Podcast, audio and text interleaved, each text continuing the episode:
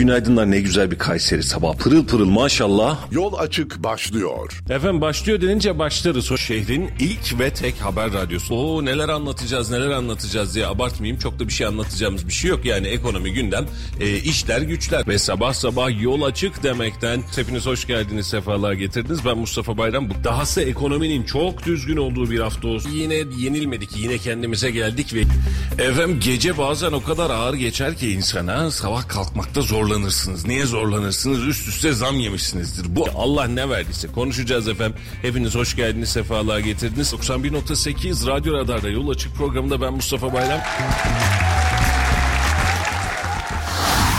Radyo Radar yol açık başlıyor. Efendim hayırlı sabahlar ve günaydınlar diliyoruz. Hepiniz hoş geldiniz, sefalar getirdiniz. Azıcık gecikmeli bir başlangıç oldu. Hakkınızı helal ediniz. Bu haftada, bugün de size merhaba demek kısmet oldu. İnşallah güzel bir hafta e, meydana gelir ve bayram haftasını hep beraber dolu dolu güzel güzel yaşarız. Şaka maka öyle böyle derken e, Ramazan'ı bitirdik neredeyse. Artık bugün Kadir Gecesi.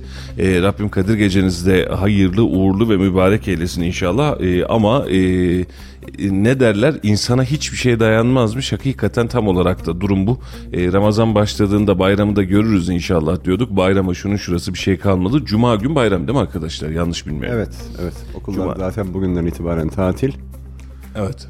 Cuma günü de bayrama gireceğiz. Ee, okul tatiline birazcık yazık oldu çocuklara. Tam ara tatil derken bayram tatiliyle birleşmiş oldu. Hepsi bir aradan çıkmış oldu işin içerisinde.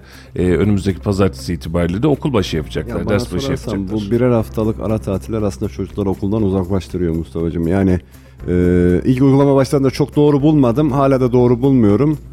E, inşallah bu uygulamadan bir vazgeçerler. Çünkü biliyorsun bizde her bakan değiştiğinde bakanın istediği şekilde bazı değişiklikler Format yapılıyor. değişiyor. Yani eğitimde bunun olmaması lazım. Bu bir haftalık tatil bence çocuklara bir dinlenme sağlamıyor. Çocukları rehavete sürüklüyor. Ee, eğitimden uzaklaştırıyor. Zaten sömestr tatilimiz var. Yani e, çok özür dilerim zırt pırt tatil yaptırıyoruz. Evet. Yani sömestrimiz tamam. Yaz tatilinden kesiyoruz. Oradan buradan kesiyoruz. Bence böyle olmamalı. Ha, o yüzden de e, yani bayram tatili zaten bayramlarımız zaten okul eğitim sisteminin içerisinde tatil olarak zaten giriyor. Onunla onu birleştir. O olmazsa Sadece bayram tatilinde de kalmıyoruz aslında. 23 Nisanlarımız, 19 bir Mayıs'larımız. hafta bunların sonra olsaydı bayram ne olacaktı? Çocuk bir hafta ara tatile girecekti. Arkasından bir hafta bayram tatiline girecekti. Yani eğitimi oyuncak haline getireceğiz. Evet. Ee, zaten depremlerde pandemiydi derken eğitimin yüz yüze mi uzaktan mı hibrit mi mibrit mi e, heterot mu ne yapılacağı çok fazla belirsiz hale geliyor. Sistemde zaten başlı başına problemlerimiz var ama beraberinde dediğin gibi e, yeni oluşturduğumuz icatlarımız da çocukları birazcık zorluyor. Ara tatil motivasyonu artacak dediler ama biz yıllarca e, üçümüz de Halil Beyciğim günaydın bu arada sana hiç merhaba demedik. Demediniz. Demedik evet. Sen sen yok gibi davrandık. Neyi söyle? Günaydın. Ee, sana da günaydın. Sabahlar. Ee, sağ olasın. Üçümüzün de herhalde eğitim sistemi ve şu an bizi dinleyenlerin içerisindeki e, yüzde 99'unun eğitim sisteminde biz ara tatil falan bilmezdik. Bir olursa kar tatili olurdu. Bir olursa bayram tatili Kar 9 gün tatilde olur mu çok derdi. nadir. Böyle bir buçuk metre falan yağacak da aşağısı kurtarmaz. Evet. Öyle adam boyu kar yağacak. Ondan sonra bir gün Olursa. olursa. Olursa O da büyük bir gün. lütuftu. Ben ne- yani hatırlıyorum yani Evet. ilkokul hayatım boyunca ki 80'lerin başı bu söylediğim 5 yıllık bir ilkokul hayatımda herhalde belki bir belki iki en fazla okul tatili ve kar nedeniyle belki olduysa olmuştur. Onun haricinde biz bilmezdik kar tatili nedir bilmezdik Mustafa Bey. Ve bunun içinde e, bizim alıştığımız sistemle çocukların alıştığı sistem birbirini tutmuyor. Ondan dolayı da bize çok da mantıklı gelmiyor. Allah kolaylıklar versin. Efendim hemen bir kısaca gündemle para piyasalarıyla başlayalım. Sonra da memleket gündemine. Sonrasında da Kayseri gündemine dönelim.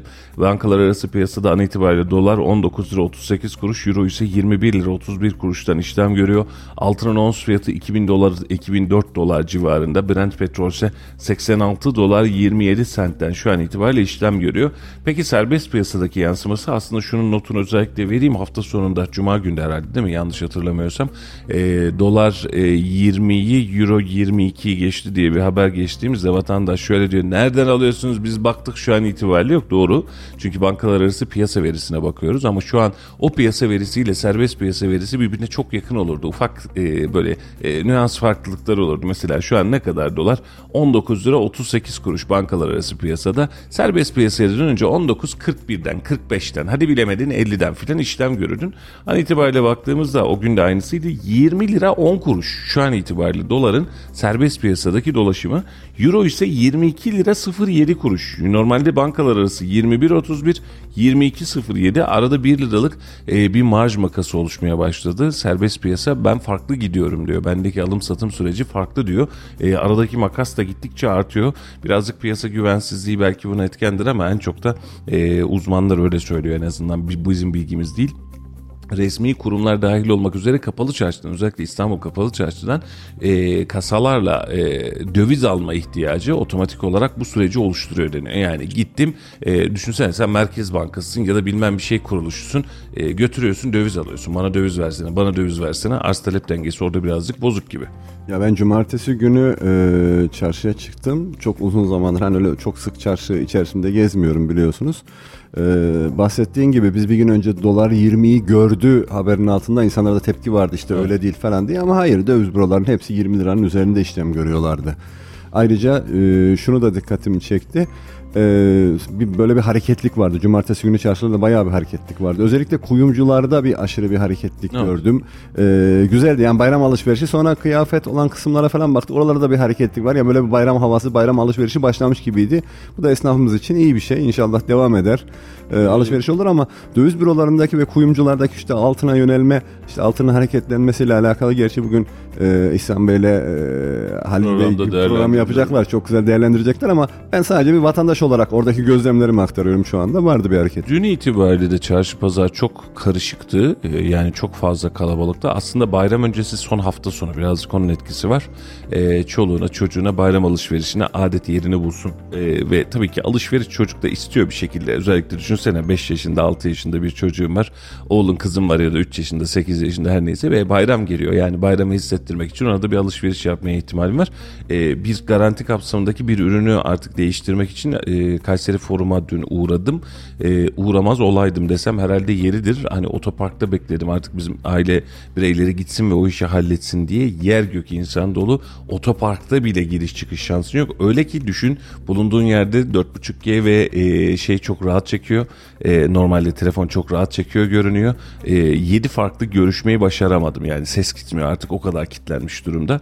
E, insanların o kalabalıklığı Bazı içerisinde. istasyon kaldırmıyor. Kaldırmıyor kaldırmıyor. Öyle bir yükü var onların da çok doluydu. Yani müthiş bir kalabalık vardı. Ama Ahmet Bey şöyle katılıyorum. Biz e, çıkarken alanlardanız. Yani ideal yatırımcı seviyesinde bizimki.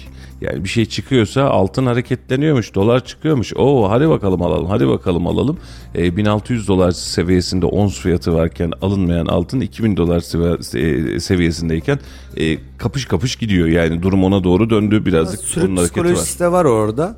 Hani bekleyip görelim. Hani artarken devam edecek işte düşer mi derken bir gün artıyor iki gün artıyor Mustafa. Üçüncü dördüncü gün derken aa diyor artık benim yakalamam lazım bunu. Evet. O psikolojiyle beraber şimdi aynı anda bu söylediğim şeyi düşünen binlerce on binlerce kişi var Türkiye'de. Bunların da etkisiyle talep dengesi daha da değişiyor. Talep dengesi değiştikçe fiyat artıyor. Fiyat arttıkça tekrar yeni yatırımcılar Aslında bak mesela bakacak çekiyor. olursan altın geçen haftadan bu haftaya çok ciddi düştü. Ama ne olarak düştü? Ons fiyatı olarak düştü. 2030 dolarları bulan altın şu an itibariyle 2004 dolar, 2003 dolar seviyesinde. Aslında altın hani döviz eğer hareketli olmamış olsaydı altın yatırımcısı geriye doğru gittiği bir dönemde. Hani eskiye göre yine yukarıda ama bir miktar geriye doğru gittiği dönemde. Ama dövizin artışı da altını pozitif etkilediği için biz hep şöyle zannediyoruz altın hiç düşmüyor. Ama aslında altında düşüyor. E, tarihi zirvesine çok yakındı. Tarihi zirveyi görmeden geri döndü. Şu an 2000 dolarla 2060 küsur dolar, 63 dolar mı 64 dolar mı tarihi zirvesi bu aralıkta pimpon topu gibi gel git yapıyor. O direnci kırarsa üste doğru hareket edecek belki ama direnci kırmazsa 2000 dolar direncinin de üstünde tutunmaya çalışıyor. Böyle bir enteresan bir yatırım portföyü var. E, ama şu bir gerçek seçim sonrası dönem için e, dövizin çıkmayacağını düşünen var mıdır acaba? Yani kesinlikle çıkmayacak diyen var mı acaba? Var. Sen mi? Yok hükümet kimse o çıkmayacak. Yok canım o çıkmaz demiyorlar. e, dövizin çıkacak olması, çıkıyor olması vatandaşı otomatik olarak TL'de durmama üründe durma psikolojisine doğru yönlendiriyor. Geçtiğimiz gün e, burada da konuşmuştuk hatırlarsınız. Otomobili niye bulamıyoruz? Sıfır araç yok, ikinci el araç zorlanıyoruz hani otomobil niye? E, geçen gün e, bir uzmanın çok net bir açıklaması var. E, döviz pozisyonu ve beraberindeki yatırım pozisyonu sebebiyle otomobil artık net anlamda bir yatırım aracına dönmüş durumda. Yani ben alayım ve bineyim değil. Ben alayım ve satayım. Alayım değeri artacak. 2 milyondu 3 milyon olacak. 3 milyondu 4 milyon olacak. 500 bin liraydı 1 milyon olacak. Derdine düşüldüğü için diyor. Otomobil sektöründe eee, ciddi bir dünya geneli global bir kriz olmamasına rağmen Türkiye'de çok uzun vadeli otomobil bulamayacağız gibi görünüyor. Çünkü artık bu bir alsat aracı, yatırım aracı, döviz gibi, altın gibi bir yatırım aracı. iyi kazandıran yatırım aracı haline geldi. Bundan kaynaklı olarak da otomobil almakta zorlanacağız ve sıfır otomobil bulmakta da e, hayli e, ciddi anlamda çünkü geç o gün sende de baktık otomobilin sıfırına bakıyorsun 2 milyon yazıyor şeyde kendi broşüründe kendi kurumsal sitesinde E, araç yok. E, ikinci ele bakıyorsun efendim 1000 kilometrede daha diyor yeni aldık filan diyor güya hani o, o hali 2 milyonluk araç 2 milyon 400 bin lira 2 milyon 500 bin lira. Yani sadece sıfırın alım satımında bile 300-500 bin liralar e, dönmeye başlamış ki araç sıfır düşünsene sen sıfır almak istersin faturası bana kesilsin istersin yok. Sen sıfırı almışın öbür arkadaşı satıyorsun sıfırından da yüksek fiyata satıyorsun ikinci el olmasına rağmen. müthiş bir ticaret haline geldi. Evet insanlarda hani e, kredilerde otomobil kredilerinde de ciddi bir kısıtlamalar geldi. Buna Diğer rağmen taraf- böyle. Buna rağmen üretimle alakalı çok bir sıkıntı yok. Ama şöyle bir plazalara baktığın zaman otomobil markalarına çoğunda araba yok. Bir adet dahi Tamamında yok desek yok. yeridir Ali. Yok Neredeyse. yani. Yani. bundan 2 yıl ya da 3 yıl 5 yıl önce gittiğiniz zaman şöyle diyordunuz. Yani ben şu arabanın işte mavi rengi olsun, jantları 17 yerine 18 inç olsun, ilk döşemesi şu olsun, donanımı bu olsun, bunu ekleyelim, bunu çıkaralım. Şimdi öyle bir şey yok, kalmadı. Orada o an ne varsa ellerinde. Rengi önemli değil, jantı önemli değil, motoru önemli değil, donanım önemli değil. Bulduğunu alıyor insanlar. Ya olsun da çamurdan olsun gibi. Yani Aynen öyle. alıyor hiç şey Şu an yapmıyor, araç detay bakmıyor. plazalarında araç satılmıyor mu? Tabii ki satılıyor ama 2 ay 3 ay sonrasına satılıyor ve e, şu an yaptıkları e, büyük ihtimalle yaptıkları büyük oranda yaptıkları şey sadece araç teslimi. Satış yapmıyorlar. Teslimlerini geliyor 3-5 araba ya atıyorum günlük ya da haftada bir onları teslim ediyorlar. Şimdi altınla alakalı da tabii ki yatırım tavsiyesi olmamakla beraber Amerika'daki e, enflasyon oranlarının düşmesi. Diğer taraftan geçen günde e, birkaç gün önce de Elon Musk da çok ciddi bir değerlendirmede bulundu. 15 dakikalık bir ekonomiyle alakalı kendi tahminlerini söyledi. Uzmanlar da ve e, FED de bunu söylüyor. IMF bunu söylüyor. Bir resesyon beklentisi nedeniyle e, faizlerin düşmesi en azından artmaya devam etmesinin azalması ve düşmesi, faizlerin cazibesini ortadan kaldırması, resesyon beklentileri altın fiyatlarında ons olarak söylüyorum çok daha fazla artışlar önümüzdeki 3-5 ay içerisinde öngörülüyor. Tabii ki yatırım tavsiyesi değildir ama bu söylediğimi de bir kenarından değerlendirmek Artacak lazım. diyorsun altında ons olarak. Ciddi artacak. Bir de üstüne dolar artarsa altın yatırımcısı iki katı üç katı kazanmış Kesinlikle. olacak dolara göre. Düşün mesela bir buçuk sene önce e, gram altın ya da çeyrek altın ne kadardı? 300-350 lira seviyesindeydi. Bugün 2000 liraya geçti. 2175 lira. 2 yılda nereye geldi? 2 Ben yıl bile onu, sürmedi. onu okuyamadım bu arada ya. Gündem hızlı akıyor. 2 Dur yıl bile değil. Bir buçuk senede geldiği nokta ki bundan sonra düşün. 2400-2500 dolarlara çıktığını düşün. Üzerine bir de e, dövizin arttığını örnek veriyorum doların 25 lira 27 lira olduğunu düşün. E, Çeyrek altın uç- kafadan uçuş 4000 olacak. Çeyrek altın 4000 lira. Şu an itibariyle e, kapalı çarşıda gram altın 1333 liradan satılıyor. E, çeyrek altın ise 2190 lira oldu. Şu an itibariyle 2178 yazıyordu. Bir anda 2190-193 oldu. Ne oluyor birden? Coştu. E, coşuyor vallahi yalana gerek yok iyi coşuyor hem de. E, Euro'da ciddi bir artış var. Dolarda ciddi bir artış var. Dolar da şu an mesela travmatik artıyor. E, 20 26 oldu. 20 10'du daha e, 10 bir dakika birkaç dakika öncesinde. Garip, ilginç artışlar var. E, bu artışlar seçime de yansır mı, e, geçime de yansır mı? Bunu da çok fazla bilmiyorum ama mesela çok uzun zaman biz kendi e, eksenimizde de konuştuk. Bunu iki ay öncesinde de, dört ay öncesinde de, altı ay öncesinde de konuşuyorduk. Kırmızı et fiyatları artık gündemde tiye alınan bir malzeme haline geldi kırmızı et fiyatları. Kim sayesinde? Sayın Bakan Nebati sayesinde sağ olsun. E, bunu niye böyle yaşadık? Çünkü Bakan Nebati koyun eti kullansanız kokuyor diyorsunuz aslında koyun eti daha ucuz diyerek gündem aslında bambaşka bir yere taşıdı. İnanan var mı ya da bu söylemi dinleyen var mı bunu çok fazla bilmiyorum. E, Bakan Nebati'ye aday yapıp yapmak yerine böyle bir ya sen otur oturduğun yerde ya da aday oluyorsan da çok fazla konuşma demek lazım herhalde. Çünkü gündemi çok ciddi anlamda e, sarsıcı açıklamalarda yapıyor. Rekabet Kurumu kırmızı ette fiyat artışına para cezası uyarısında bulunmuş. Böyle bir aba altından sopa göstermiş. E, kırmızı etli fiyat artışlarının yakından takip edildiğini açıklamış. E, kurum kanun ihlali tespit edilmesi durumunda şir- şirket cirolarının %10'una kadar para cezası verileceğini söylemiş. Rekabet Kurumu Başkanı Birol Küle, son zamanlarda kamuoyunun gündemini meşgul eden önemli konulardan birinin kırmızı et fiyatları olduğunu belirterek şunları söylemiş. Özellikle son birkaç aylık dilimde arka arkaya gelen yüksek orandaki zamlar ile kırmızı et fiyatlarının önemli ölçüde artmıştır. En temel gıda maddelerinden biri olan kırmızı etteki bu fiyat artışları ilgili diğer kamu kurumlarının yanı sıra Rekabet Kurumu'nda şüphesiz ki yakın takibindedir. Nitekim kurumumuz 2022 yılından itibaren kırmızı et sektörüne yönelik çalışmalar yürütmekte olup sektörde faaliyet gösteren teşebbüsler ve teşebbüs birlikleri hakkında yapılan geniş kapsamlı incelemelerle hali hazırda devam etmektedir. Kırmızı et piyasasında tüm Türkiye'yi kapsayacak şekilde mercek tutmayı hedefleyen bu incelemelerde hem sektörün yapısal ve mevzuat kaynaklı sorunları hem de sektördeki teşebbüslerin ve teşebbüs birliklerinin piyasa davranışları ele alınmaktadır diyor ve cironun %10'una kadar da gerekirse ceza vereceğiz diyor. Şimdi kırmızı ette çok uzun zamandır bir kriz geliyordu. Yaklaşık iki yıldır konuşulan bir kriz vardı. Ee, krizin sebebi et değil, krizin sebebi süt. Yani sütteki vermiş olduğumuz katma değerli fiyatları yok etmiş olduğumuz için sütü belli bir tavanda tutmaya çalışmış olduğumuz için sütü e, hareket etti demi, demesini engellemeye çalıştığımız için e, süt üreticisi ben bu fiyatı süt üretmem çünkü yemimi karşılamıyor dedi. Yani düşünsene üretim yapıyorsun hayvana bakıyorsun altını temizliyorsun üstünü temizliyorsun e sonrasında zarar ediyorsun ne yaptı? E, çiftçi otomatik olarak gitti o e, sağımlık ineğini kestirdi ete dönderdi. E, ete dönüştürünce şey, sen şimdi damızlığı bulamamaya başlamış oldun. Doğuracak hayvanı doğum yapabilecek hayvanı üretecek hayvanı zaten otomatik olarak kestin. Çiftçi bunu tek başına idrak edemez. Ne olarak bakarsın düşünsene 5 tane hayvanın var zarar ediyor.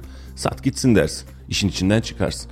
Bu süreç 2 yıldır tehlike çanları gümbür gümbür gümbür çalıyor ve şu an itibariyle insanlar kesilebilecek hayvanı bulamıyor. Damızlık hayvan bildiğini altına dönüştü. Yani e, çok değerli çünkü yok muadili yok alternatifi yok. Yurt dışından gelişler belli bir kapasitede var. Etin bu hale geleceğini 2 yıl öncesinde biz biliyorduk ama rekabet kurumu diyor ki et çok arttı biz buna bir ceza mı yazsak diyor. Bana çok mantıklı gelmiyor bu izah. Ya işin ilginç tarafı şu. Şimdi zincirin son halkası tüketici biz bile bunun farkındayken buna müdahale etmesi gereken insanlar bu konuda hiçbir hamle yapmadılar. Evet. Ve bu uzun süredir devam etti. Yaptıysa da yetersiz kaldı. Süt ve süt ürünlerinin tamamı şu anki fiyatlar işte ara ara konuşuyoruz. Peynir fiyatları, yoğurt fiyatları ya da peynir türevlerindeki. Bu şeyi de artıracak yani benim tahminim. Ee, hileli o tahşiş ürünler var ya işte tabii canım, içerisine tabii bir sürü katılan şeyler. Bunları fırsatçılar ortaya Süt çıkartacak. yok ortada çünkü. Talep var süt yok. Olmadığı için ondan sonra bizim sayfamıza gelmeye başlayacak. Peynir aldık. E, yaptıracaktık, çıkacak Ama bu sefer patates fiyatları da fırladı. Acaba ne çıkacak içinden? Patates hala şimdi peynirin yanında Ahmet Bey. Yani 15 liraya patates alıyorum desen ki düştü onun da fiyatı yanlış bilmiyorsam. En son 2 hafta önce o civardaydı. E şu an itibariyle peynire bak patatese bak. Yani arada ciddi uçurumlar var.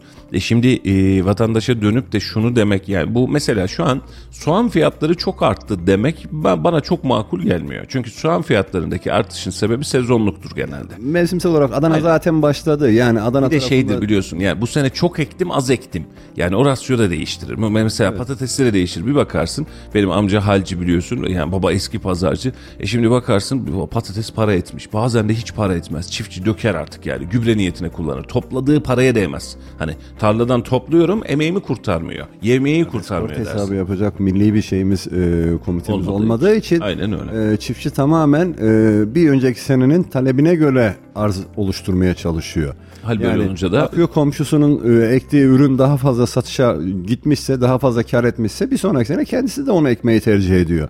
Bu konuda bizim tarımsal alanında gerçekten milli bir şeyimiz yok, bir politikamız yok, bir planlamamız yok ki çok önemli şeyler bunlar. Evet. Yani bunun için de e, rekabet kurumunun ya da siyasetin bu tarzda açıklamaları bana çok şirin gelmiyor. Vatandaş yiyor mu? Yiyor. Yani vatandaşın bir kısmı Aa evet bak görüyor musun burada da oyun oynuyorlar filan diye. Hatta geçen gün vardı yine soğan deposunun birini çekmişler. Soğanları istediler satmıyorlar işte seçim sonrasına bırakıyorlar. Fiyatları bunlar yükseltiyorlar diye. Bana çok makul gelmiyor bu işler. Yani e, hangi patates hadisesinde de aynısını yaşamıştık hatırlıyorsun. Lisanslı depocuları bile baskın yapmıştık Nevşehir'de vesairede. Şimdi o tür şeyler bana çok inandırıcı gelmiyor. Yani halkın sadece gazını almak için sanki işte bunu yakaladık bunu bastık gibisinden bir şey oluyor. Biliyorsun benim de babam eski halcilerdendir. Yani 1950'li yıllardan 80'li yıllara kadar halcilik yapmış, halde komisyonculuk yapmış bir insan ve o yıllarda anlattığı bir hikaye vardır. Eğer vaktimiz varsa çok kısaca anlatayım. Tabii ki buyurun. Ee, şimdi vaktiyle e, İstanbul'da işte insanlara e, sebze yedirmemek için patlıcanları denize döküyorlar diye bir haber oluyor. Bunu bir gazeteci çekiyor ama bu olayın perde arkasında şöyle bir şey yaşanıyor.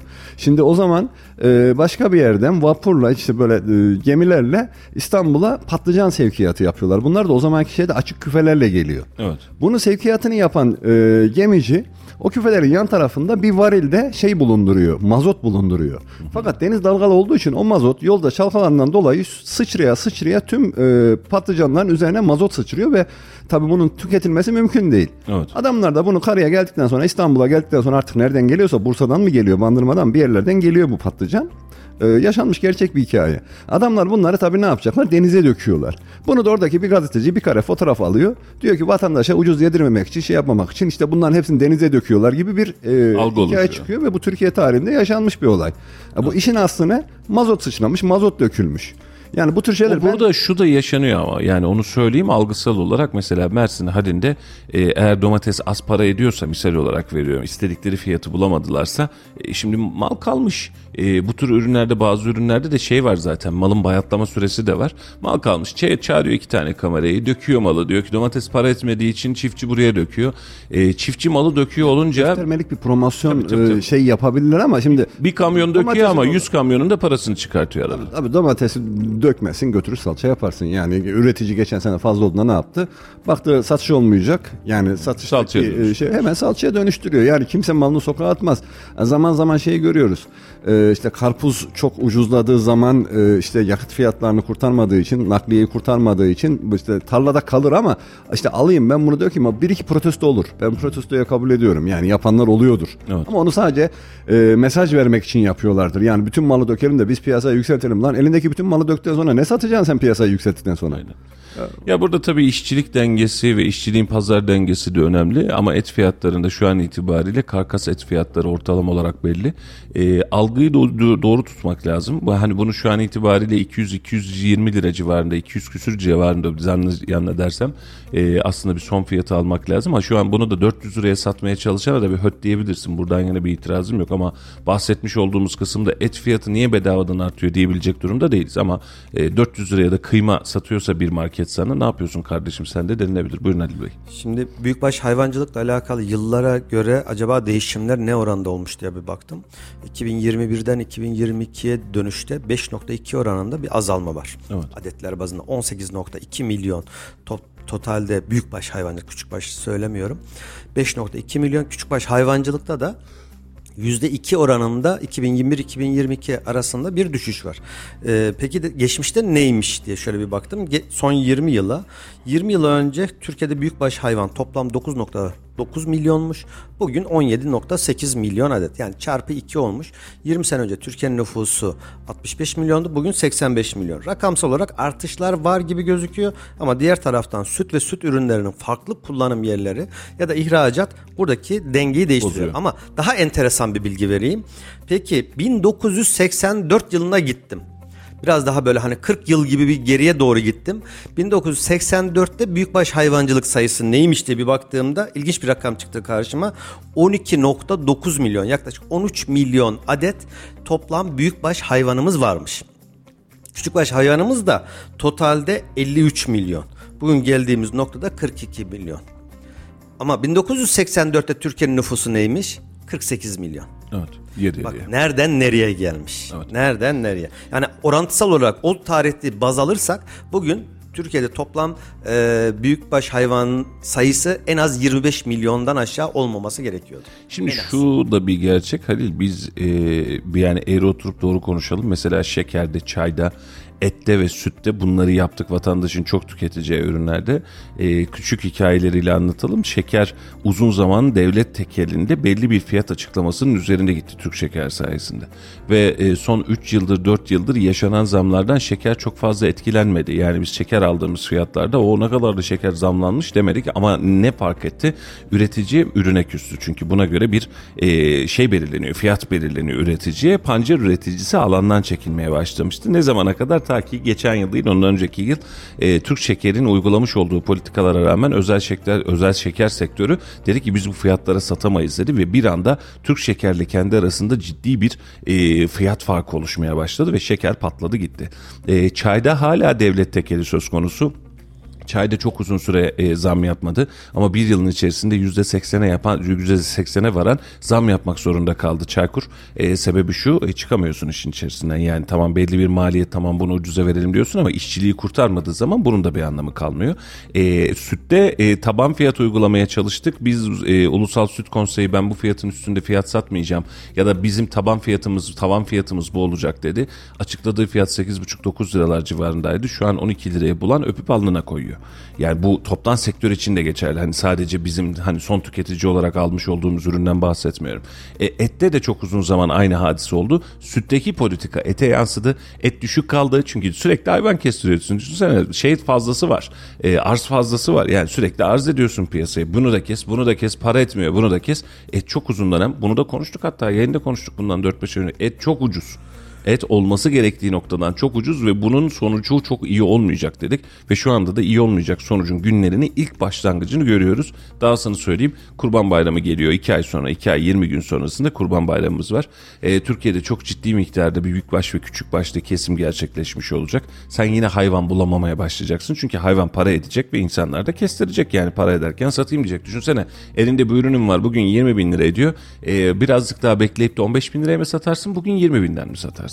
Doğru mu? Ya da bugün 15 bin ediyor biraz daha bekleyip 20 binden mi satarsın? Hal böyle olunca önümüzdeki süreçte de e, büyük başta da ve küçük başta da belli bir hayvan azalmasına e, gideceğiz. Eğer bunun tedbirlerini de almazsak yaz sonuna çok çok daha yüksek fiyatlardan et tüketeceğiz. Bunu da şimdiden söyleyelim. Tedbir alabilecek kurumda de, doğrudan devletin kendisi tedbiri alma şeklimizle rekabet kuruluna bunu inceletmek ya da bu işin asparagası olduğunu söylemek değil gerçekleri görüp gerçeklere göre tedbir almaya çalışmak. Yani bunu almazsak e, bugünü atlatırız e, 6 ay sonrasında yine aynı sıkıntıyı yaşarız. Yani bu süreçler yetiştirme süreci işlediği için tarımda da aynısı. E sen tedbirini bugün alırsın rengini 6 ay sonra görürsün. Bugün sadece cambaza bak dersen bunlar fiyat haksız rekabet vesaire dersen Yarın bir gün et üreticisinde küstürürsün kendine. E, sonrasında da Aa, ne olacak bu işin sonu diye oturur bunun derdine düşeriz diye düşünüyorum. Türkiye'de ortalama kurban bayramlarında kesilen büyükbaş hayvan sayısı yaklaşık 1 milyon. Yaklaşık 250 bin civarı da küçükbaş hayvan kesiliyor. Yani bizim şu an 17.8 milyon e, büyükbaş hayvanımız 16 17'nin altına inecek de 16.6 16.7 milyon civarında bir sayıya da düşecek. Önümüzde 2 ay sonra. Şimdi yerel gündeme geleceğim. Onun öncesi ulusal gündemden birkaç başlık var. Cumhurbaşkan Yardımcısı Fuat Oktay artık yeni bir milletvekili adayı Fuat Bey'de biliyorsunuz. Kızılay'ın çadır satmasına özürlük genel kurulunda gereken yapılır denmiş. E, demiş. E, Oktay Günaydın gündeminde diyelim. Oktay Bey'e de günaydın diyelim. Günaydın ona da günaydın. E, kamuda işe alım mülakatlarının kaldırılması vaadi ve Kızılay Genel Başkanı Kerem Kınak'a yönelik eleştiriler de varmış. Kızılay'ın kendi genel kurulu var. Kendi yönetimini kendisi belirler. Orada zaten gereken tedbirler, e, e, gerekli tedbirler gereken e, yapılır diye konuşmuş. Hakikaten Ahmet Bey doğru bir cümleden bahsettin. Ben hükümet üzerinde de söylüyorum. Kızılay Başkanı ile alakalı eğer böyle bir sıkıntımız varsa, kamuoyu bu kadar konuştuysa ya gerçekten arkasında duracaksın Hayır Kızılay Başkanı doğru yapmıştır efendim çünkü süreç ve mevzuat budur diyeceksin örnek olarak veriyorum ya da hızla genel kurulunu çağıracaksın ve e, ya da görevden alacaksın. E, bunları yapmamız gerekiyordu ama birazcık e, geç e, karşılaştık Ya gibi ya görünüyor. Böyle bir şey var. Şimdi Kızılay'ın kuruluşu 1868, özür dilerim 1878 yılına dayanıyor. Yaklaşık 150 yıllık bir geçmişi var. Kızılay'ın e, statüsü dernek statüsündedir. Vakıf değildir. Dernek statüsündedir. Ama genel olarak halkın gözünde şöyle bir algı var. Kızılay bir devlet kurumudur. Devlet atama yapar, devlet maaşını verir, devlet toplar, devlet dağıtır. Hayır, hiç alakası yok. Devlet kurumu olmadığı için Kızılay bir dernek statüsünde. Yani bugün e, Kanarya Sevenler Derneği dernek statüsünde nasıl bir dernek yapısı varsa Kızılay'ın yapısı da birebir aynıdır. Kanunlar, hükümler. Ama Şimdi toplum nezdinde bu kadar önemli olan bir dernekten bahsediyoruz. Toplum nezdinde bu kadar önemli bir yere sahip olan ve 150 yıllık bir Kızılay'dan bahsediyoruz. O zaman şimdi nasıl ki Güneydoğu'da şimdi teşbihte hata var mıdır yok mudur bilmiyorum ama nasıl ki Güneydoğu'da terörle iltisakı olan ve destek sağladığı tespit edilen belediye başkanları nasıl ki görevden alınıp kayyum ataması yapılıyorsa benzer bir şekilde o zaman devletin ilgili or- organları İçişleri Bakanı ya da direkt Cumhurbaşkanı kararnamesiyle Kızılay'ın başkanı bu kadar üzerine gidilmişken gereğinin yapılması da gerekiyor. Direkt olarak müdahale yerine görevi kötüye kullanma mı deriz? e, Ardına her ne dersek yeniden bir düzenleme gerekiyor. Açıklamayı şöyle yapmış Sayın e, Oktay. E, Kızılay 155 yıllık bir kurum. Şu anda Türkiye'de genel bir konsens, konsensüs de var. Bireylerden kurumları ayrıştırmak lazım. Bu kurumların hepsi bizim siyasi tartışmaların malzemesi yapmamak lazım.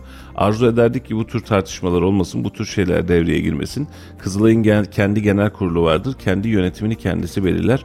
Orada zaten gerekli tedbirler gereken yapılır. Buna tabii ki herkes üzülmüştür. Biz de üzüldük. Çadır satılması olayı vesaire bu konuların gündeme gelmesi olayına ama Kızılay hepimizin kurumudur. Üzerine titrememiz lazım.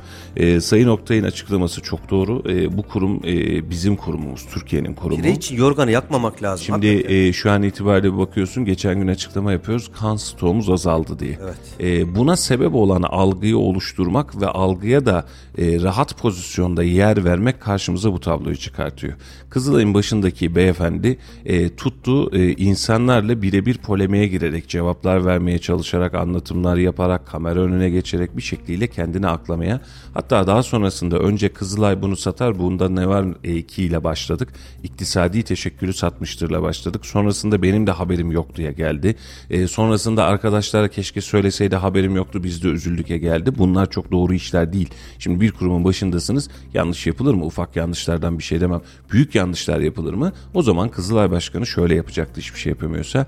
Bunun satış yetkisini veren yönetim kurulumuzdaki, denetim kurulumuzdaki yahut kurum çalışanlarından şu şu şu kişilerle alakalı soruşturma başladı, görevden el çektirildi diyebilirsin. Bunu da demedin.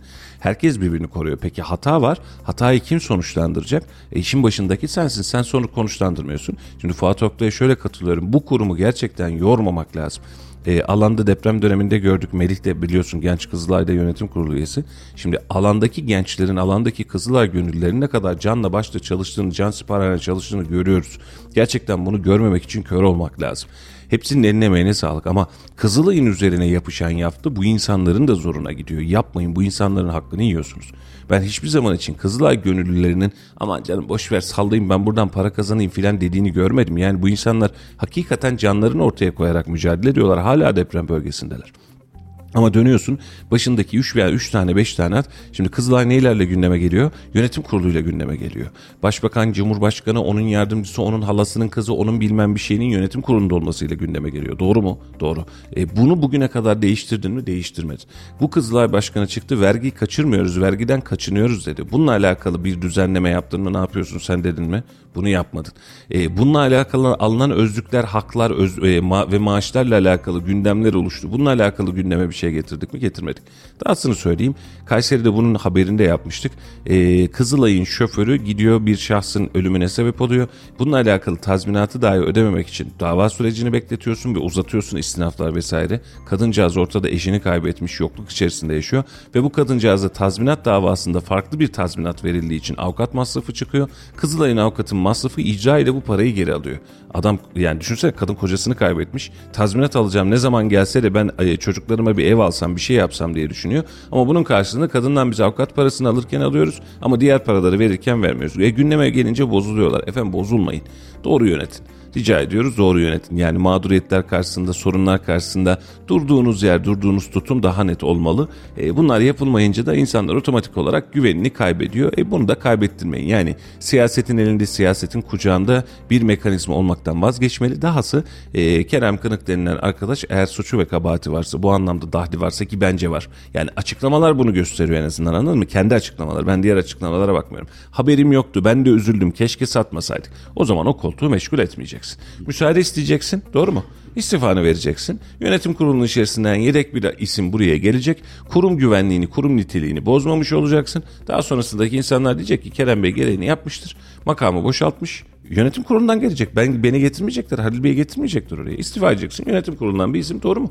Yönetim kurulu başkanı olarak görev alacak. Bu kadar basit bu olay. Ya böyle bir ku- böyle bir kurumda böyle bir olay yaşandığında e, aklı başında bir yönetici, liyakatlı, aklı başında bir kuruma ben zarar veriyorum diyerek hiçbir dahli olmasa bile, hiçbir şeysi olmasa bile ben bu kuruma zarar veriyorum. İşte kaç yıllık bir kurum, e, ülkenin en güvenilir kurum olması gerekirken ben buranın itibarını sarsıyorum diyerek istifa etmesi gerekir. Ya bak Yunanistan'da geçtiğimiz ay tren kazası meydana geldi ve Ulaştırma Bakanı istifa etti.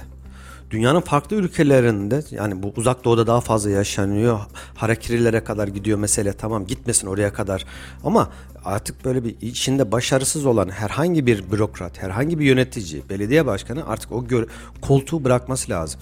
E şimdi 11 tane ili etkileyen bir deprem yaşadık. Bunda en büyük problemlerden bir tanesi ilgili belediye başkanları ve imar yönetmelikleri. Ama biz bir Allah'ın kulunun istifa ettiğini ya ben hata ettim arkadaş dediğini ne gördük? Soruşturma açıldığını Yaşadık. dahi duyamadık.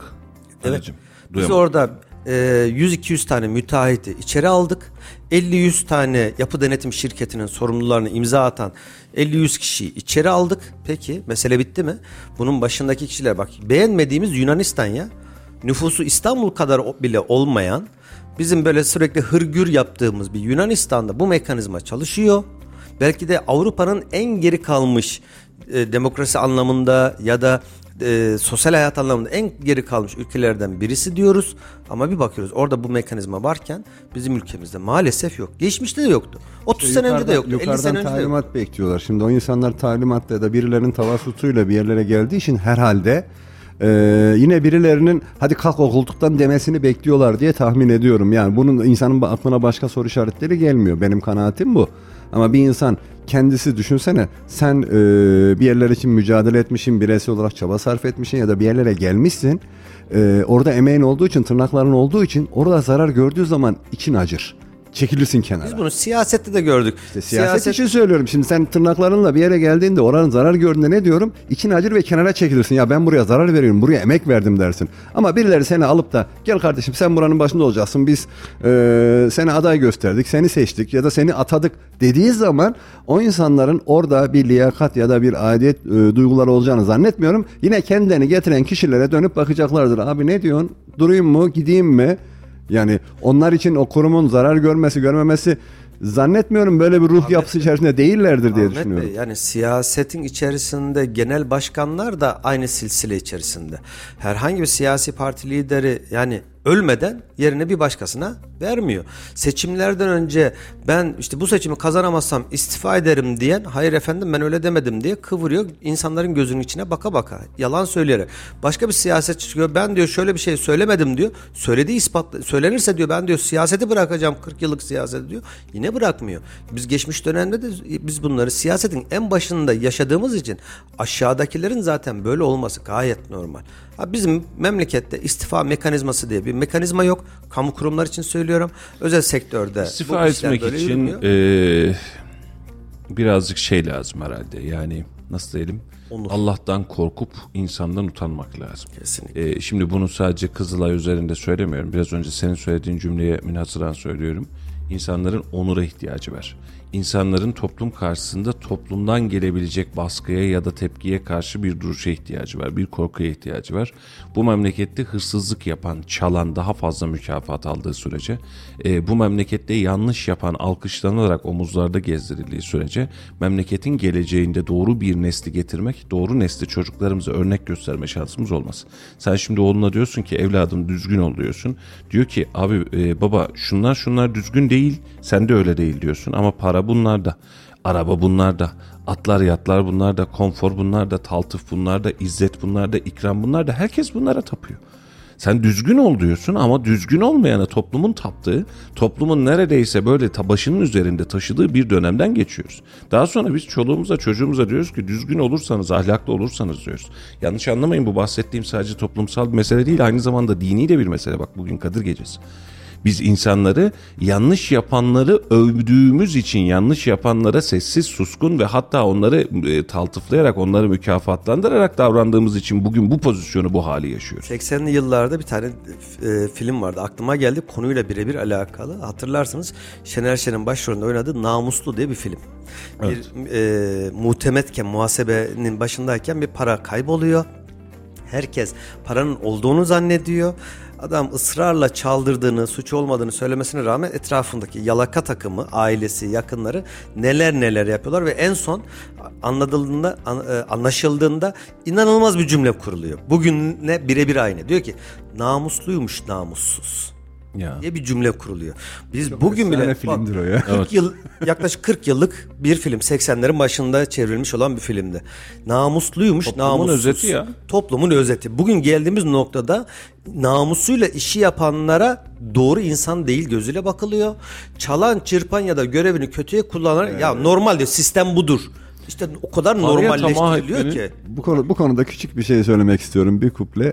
Ee, hani hep toplumda şunu söylüyoruz ya toplum bozuldu toplum abi 40 yıl önceki filmdeki anlattığın senaryo şimdikinden çok farklı değil.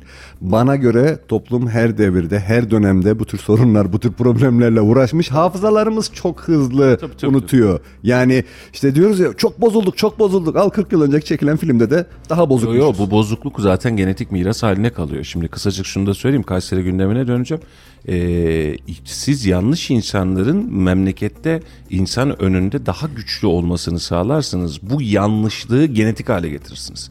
Çünkü bir sonraki gelen nesil de yanlış kazanıyormuş diyerek devam eder. Ve yanlışlığı, yanlışın güç olması otomatik olarak yanlış olanın e, daha iyi imkanlarda daha fazla çocuğa, daha nitelikli bir hayata sahip olmasını sağlar ve bunu kalıtsal yaşarsınız. Yani 50 yıl önceki namussuzluğun sonucunu hala yaşıyoruz. 80 yıl önceki namussuzluğun sonucunu hala yaşıyoruz. Bugün yaşadığımız namussuzluğun sonucunu da 2100'lerde de yaşayacağız. Yani bizim torunlarımız, torunlarımızın torunları Rabbim kısmet ederse onlar da yaşayacak aynı hadiseyi. Çünkü sen buna mükafatlandırdığın sürece toplum bu noktaya doğru, bu tarafa doğru evrilmek zorunda. İnsanların utanma duygusuna, insanların ar duygusuna, insanların imana ihtiyacı var. Hani bazen eee, şimdi hani başımıza taş yağacak filan diyorlar böyle hani dinler. Mesela deprem oldu bunlar, bunların bunların safsasından bahsetmiyorum. İnsanların milli, manevi ve ahlaki değerlerini sönümlendirdiğinizde neresinden bakarsanız bakın biz çöp oluruz. Biz berbat oluruz. Biz bedbaht oluruz. Yani e, bunun için yapmamız gereken hadise bizim dini, milli, manevi değerlerimizi ortaya koymak ama buradaki kastettiğim camiye hangi ayağınla gireceğim meselesi değil. Parayı hangi elinle hiçbir elinle çalmayacağım meselesidir.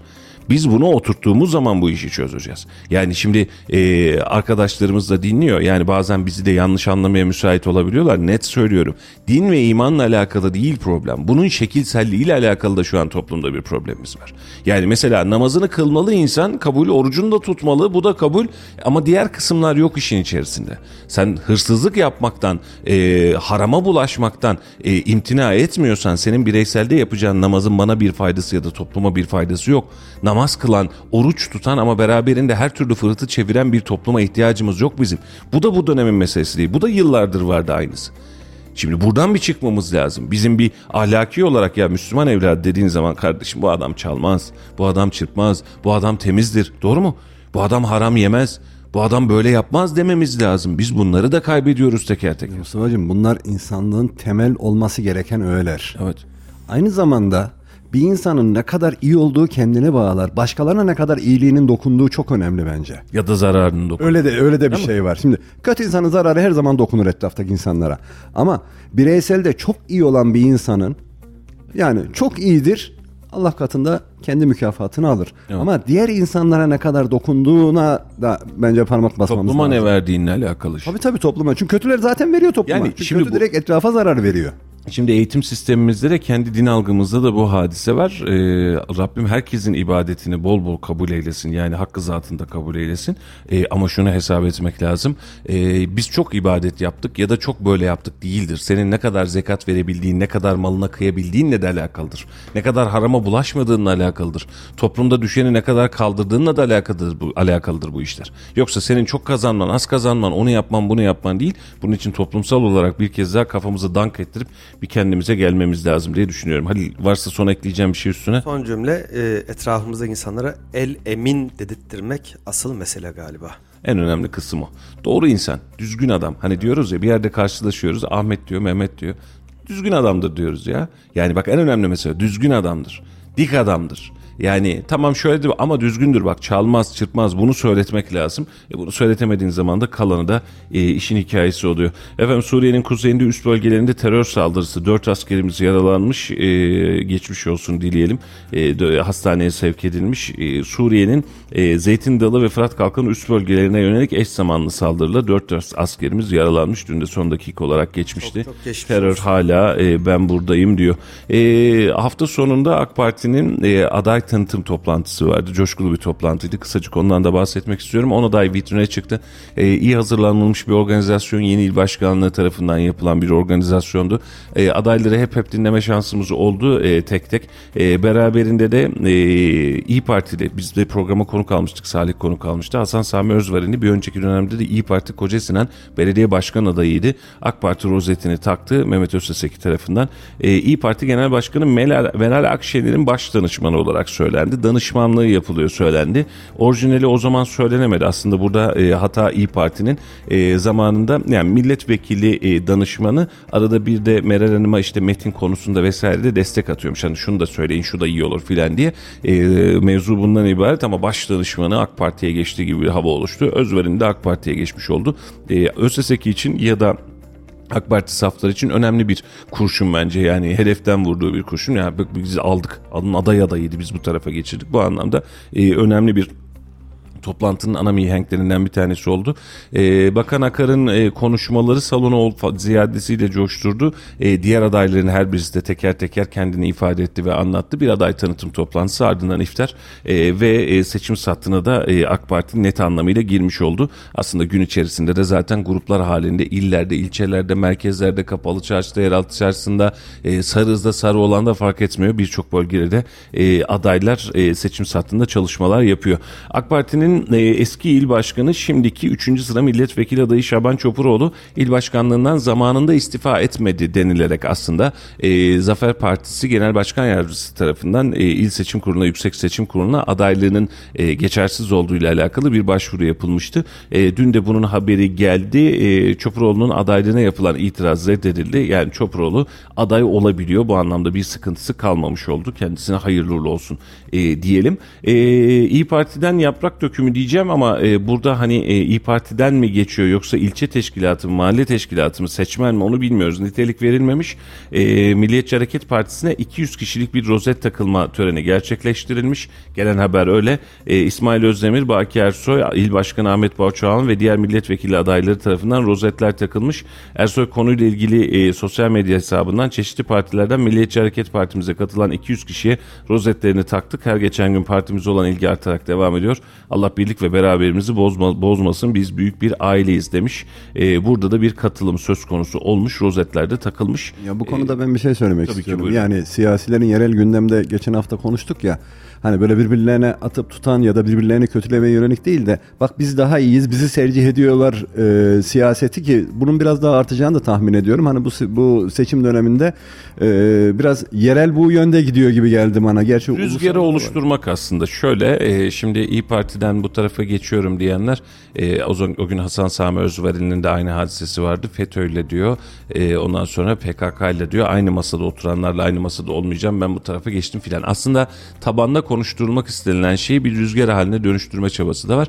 E, şimdi şu vakte kadar İyi Parti'den bununla alakalı bir açıklama geldi mi? Gelmedi. Bir tek Sebati Ataman eski il başkanı bir açıklama yaptı sosyal medya hesabından. Bu açıklamaları da görmek lazım. Bu bir süreç, bu bir e, algı süreci. Kavga değil ama bir algı süreci. Bu algı sürecinde de birçok şey mübah hale geliyor.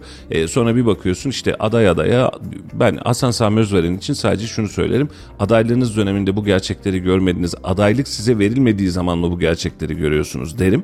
Hani bugün şunu yapmış olsaydı birisi Meral Hanım masadan kalktı. Sonra yeniden oturdu. Ben bu işte yokum arkadaş bak. Ben sevmedim bu işi. Denilebilecek, gelebilecek tüm istifalara ben razıyım. Çünkü niye? Burada politik bir duruş, siyasal bir duruş var kardeşim. Ben senin bu duruşunu sevmedim. Ben burada yokum. Bu benim tarafıma uymadı. Benim kafama yatmadı bu. Ya da masadan kalktığı gün mesela. Ben bu masadan kalkışta yokum ben istifa ediyorum da anlarım. Oturduğu günde anlarım. Bu siyasi bir duruş kopuşudur aslına bakarsan ama seçim sattığına girmişsin. Seçim sattığında koşturuyorsun. Aday adayısına adaylık sürecine girmişsin. Temayüle girmişsin. Ben buradayım demişsin. Koca koca cümleler kullanmışsın. Bu sadece Hasan Sami Özveren için değil. Tüm teşkilatlar için, tüm partiler için geçerli. E, adaydım ama beni koymadılar. Ben vazgeçtim. Çok doğru bir düzlem değil. Hani karakterli duruşlara burada da ihtiyacımız var. E, tabii e, alt tarafını çizdiğimizde bundan 3 yıl sonrasında e, bu bahsettiğimiz istifa eden ya da parti değiştiren isimlerin nerelerde olacağı, ne yaptıkları da e, aslında bunu e, daha net gösterecek ama o gün e, balık hafızalı oluyoruz. Bunları da unutuveriyoruz. Aklımızda da çok fazla kalmamış oluyor. Ee, sevgili dostlar e, bugün itibariyle de tabii ki seçim gündemi devam edecek memlekette. E, aslında bundan sonra her zaman e, ayın 14'üne kadar 13'üne kadar hatta seçim yasaklarına kadar seçim gündemi devam edecek. Kim seçildi, hangisi milletvekili, ne oldu biz de bunları size bir şekilde yansıtmaya çalışacağız. Yeni bir hafta, yeni bir başlangıç ve seçim sattığının en ağırlaştığı haftalardan birisi olacak son haftaya kadar. E, bunun için bu süreçte de biz de size mümkün olduğunca doğru ve nitelikli haberi ulaştırmaya çalışacağız.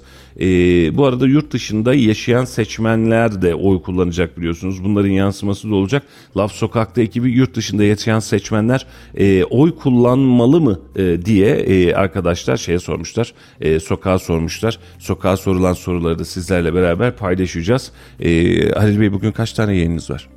Bugün 9.30'da altın piyasası 10 çeyrekte de gündem ekonomi programı var. ve devam edeceğiz. Ardından da bugün akşam saatlerinde saat 20 diye lanse ettik ama iftar ve iftar zamanında bir program var. Muhtemelen itibariyle 21'de basın masasında da ben yeniden Kürşat Açıkgöz'le beraber sizlerle birlikte olacağım. O vakte kadar kendinize iyi bakın efendim. Yeni yayınlarda görüşmek üzere diyelim. Hoşçakalın. Hoşçakalın. Hoşçakalın. Hak olan bir şey ya.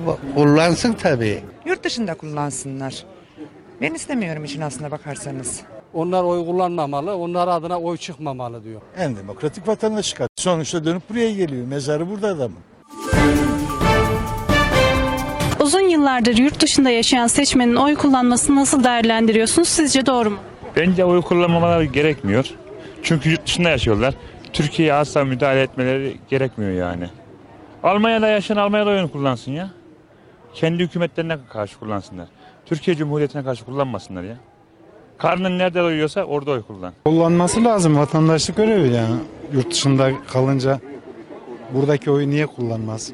Buradaki Türkiye'deki yönetime yön vermesi açısından kullanması lazım. Şimdi oranın e, şartlarıyla yaşıyor. Ora- orası ayrı. Orada çalışıyor. Oraya hizmet veriyor ama vatanı burası. Orada da kullansın oy ama burada kullanmasına engel bir şey yok ya. Bence kullanabilir ya. Demokratik olarak hakkı o vatandaşın hakkı kullanması lazım. Yanlış kullanmıyor diyen kimse yanlış. Şahsen ben çok doğru bulmuyorum. Çünkü Türkiye şartlarında yaşamıyorlar. Bu insanlar burada ne çektiklerini bilmiyorlar. Oradan e, kolay ahkam kesmesi çok kolay. Burada bir yaşasın. Buradaki alım gücüyle, buradaki maaş durumuyla bir yaşasınlar bakalım. Ondan sonra gelsin oy kullansın. Bence hakkı. Çünkü şöyle e, ben mesela nüfusum başka bir yere kaydı. Ben buradan gidip orada oy kullanma şeyim varsa veya sırf e, memleketim olduğu için sonuçta onların da ana vatanı vatanları hakkında bir karar verme yetkileri olması lazım bence. Vatandaşlık hakkı doğru. Ya o da ülkenin geleceğiyle ilgili görüşünü bildirir. Sonuçta buraya dönüyor, burada yaşıyor. Herkes kendi şartında yaşıyor. Yani oranın şartı iyi burada vatandaşlık hakkını kullanmasın demek demokrasi değil. Kullanacak. En demokratik vatandaşlık hakkı. Sonuçta dönüp buraya geliyor. Mezarı burada adamın. Bence doğru. Sakıncası yok. Yeter ki doğru yere oyu kullansın. Evet. Ekonomik şartları ona göre değerlendiriyorlar. Ama eskisi gibi artık Türkiye'de çok kötü durumda değil. Hamdolsun ki gelişen, kendini geliştiren bir ülke. Her geçen gün yapılan yatırımları görüyoruz zaten. Ee, gerek SİHA'larımız olsun, gerek İHA'larımız olsun. İşte e, gemimiz olsun, aracımız olsun, arabamız olsun artık vatanın yarın öbür gün gıptayla parmak ısırarak bakacağı bir ülke olacağı için yurt dışındaki vatandaşlara buradan sesleniyorum. Doğru oy kullanırken doğru yere, yere vermelerini istiyoruz. Çünkü benim partimden kullanacaklar mecbur. Havaalanına gidip kullanacaklar. Tabii ki kullansınlar. E, verecekleri partiyi bildiğim için. Tabii ki e, seçmen seçmendir. Sonuçta insan olarak bakmamız lazım. E, bütünüyle oy kullanmalarını diliyorum. Tabii burada e, konuyu birazcık açacağım ama kısa tutacağım. Özellikle milletvekili adaylarımızdan, politikacılarımızdan ayrıştırıcı dil kullanmamalarını rica ediyorum. Sonuçta küresel bir dünyada yaşıyoruz. E, dijitalin yüzyılını yaşıyoruz.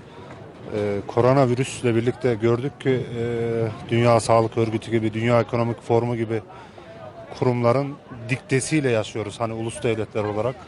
Dolayısıyla e, böyle bir durumda eğer dik durulacaksa, eğer hani e, vatan deniliyorsa, millet deniliyorsa e, propaganda ayrı bir şey. Onu ayrı ayrı yapmalı. Ayrıştırıcı dili kullanmamalıyız diye düşünüyorum. Seçmenlerin bir kısmı kullanmaması lazım. PKK'lı olanlar. Ama Türk vatandaşını, milletin ezanı, bayrağını savunanlar kullanmalı. Çünkü birçok orada e, PKK taraftarı var. Onlar oy kullanmamalı, onlar adına oy çıkmamalı diyor. Demokratik buluyorum çünkü vatan hainlerinin demokratisinde bir şey olmaz yani. Önemli olan bizim için vatan da. Hükümete Ahmet gelmiş, Mehmet gelmiş hiç önemli değil. Hükümete gelen vatanın, ezanın, bayrağını savunan kişi olacak. Onun dışında biz kimseyi tanımak yani. Ya aslında çok yanlış, çok saçma sapan. Çünkü yurt dışında yaşıyorlar. Senede bir sefer belki de bir aylığına gelen bir insan gelip de benim e, ülkemde kim başbakan, kim cumhurbaşkanı olmasına karar veriyor. Çok saçma bir şey. Yurt dışında kullansınlar. Ben istemiyorum için aslında bakarsanız. Kendi vatan oradakilerine oy kullansınlar. Hak olan bir şey ya. Kullansın tabii. İsterse 40 sene 50 62'lerde çıktı Avrupa. 62'lerde gidenler var. Ha onlar belki birinci kuşak kalmadı. İkinci, üçüncü kuşaklar kullansın yani. Hem de kullanacağı yer devlet adamına kullansın. Bu da tasfiye mi olsun yani? Siyasi dedim ha. Ee, dinini, diyanetine, ülkesine bağlı. PKK'yı destekleyenlere değil. Altılı masa artı yedili masa değil. İnşallah gümbür gümbür bu millet geliyor. Çünkü doğru yolu görüyor bu millet. Çünkü e, Türkiye'de yaşamadıkları için e, buradaki diğer insanların hakkına girmemeleri gerekiyor. Bana göre doğru değil. Çünkü bu ülkede biz yaşıyoruz. Tabii ki onlar da bizim vatandaşlarımız. Onlara da saygı duyuyoruz ama oy hak oy konusunda ben haklı görmüyorum. Kullanmalarını da istemiyorum.